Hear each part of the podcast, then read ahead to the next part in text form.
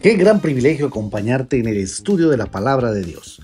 Bienvenido al podcast de la hora silenciosa de Palabra de Vida Guatemala. Descubriremos junto a ti los desafíos que Dios nos dará hoy a través de su palabra. Deseamos que hayas tomado un tiempo para leer con anticipación el pasaje del día de hoy.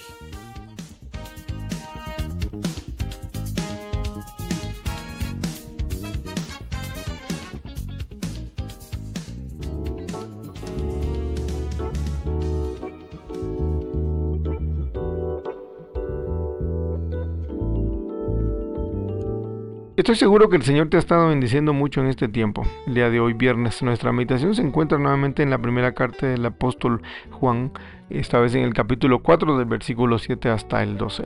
Leemos la escritura que dice, Amados, amémonos unos a otros porque el amor es de Dios. Todo el que ama es nacido de Dios y conoce a Dios. El que no ama no ha conocido a Dios, porque Dios es amor.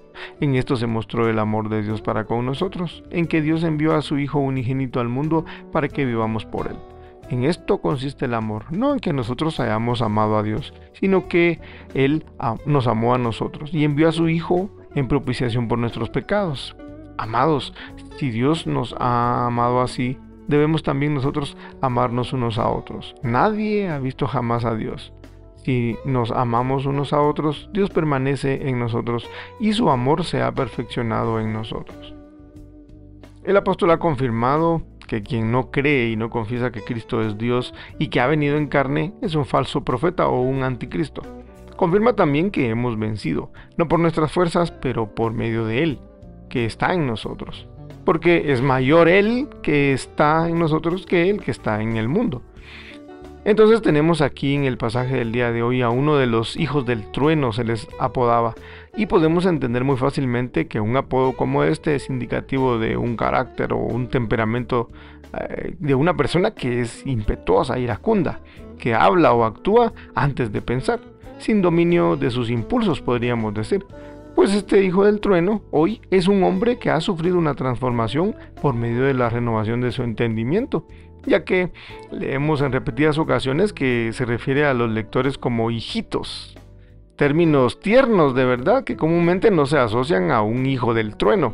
Sí debemos enfatizar que ha sido renovado. Haciendo eco al relato del Evangelio en el capítulo 13, Juan trae un fuerte recordatorio acerca del amor. Su nueva bandera que lo representa Amados, amémonos unos a otros, porque el amor es de Dios. Y en el Evangelio repitió las palabras del Maestro que decía, un mandamiento nuevo les doy, que os améis unos a otros. Veamos que no está diciendo, miren esos sentimientos de atracción entre hombre y mujer, así deben mostrar amor.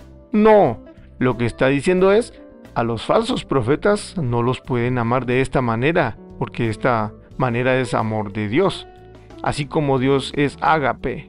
Y así como Dios los agape a vosotros, entre ustedes deben ágape también. Pero entre ustedes hermanos, que están unidos en ese vínculo perfecto, el que no agapao no ha conocido a Dios porque Dios es ágape. Esto no viene de ustedes, no es una situación social o emocional. Esto solo Dios Espíritu Santo que está en nosotros puede producir ese ágape para mi prójimo, pues es sobrenatural. Si bien no es que amemos a todos a nuestro alrededor, sino que decimos algunos, ay, son difíciles de amar, hermano, y no podemos andar dando abrazos para arriba y para abajo. Bien podemos mostrar interés en las necesidades de nuestro prójimo queriendo agradar a Dios. Y esta es una cuestión dura, pues este ágape es unilateral.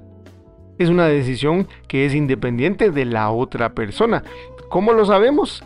Bueno, el mismo escritor dice que Dios así lo mostró, es decir, no en que nosotros hayamos amado a Dios y por consecuencia Él nos agape.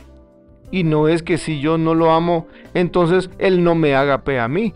No, no. No, consiste en que Él nos agapao y reafirma a nosotros.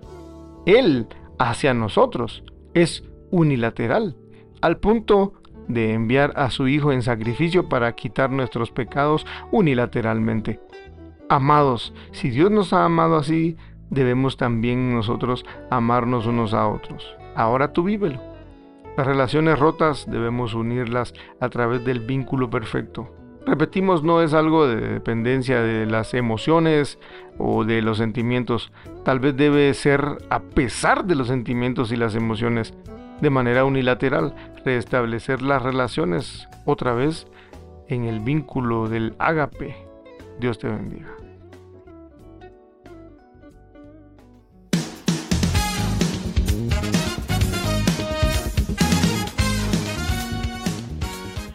Es emocionante saber los tesoros que Dios tiene en su palabra para nosotros. Ayuda a tus amigos a que descubran la voluntad de Dios para su vida. Comparte este podcast con ellos. No olvides seguirnos en nuestras redes sociales.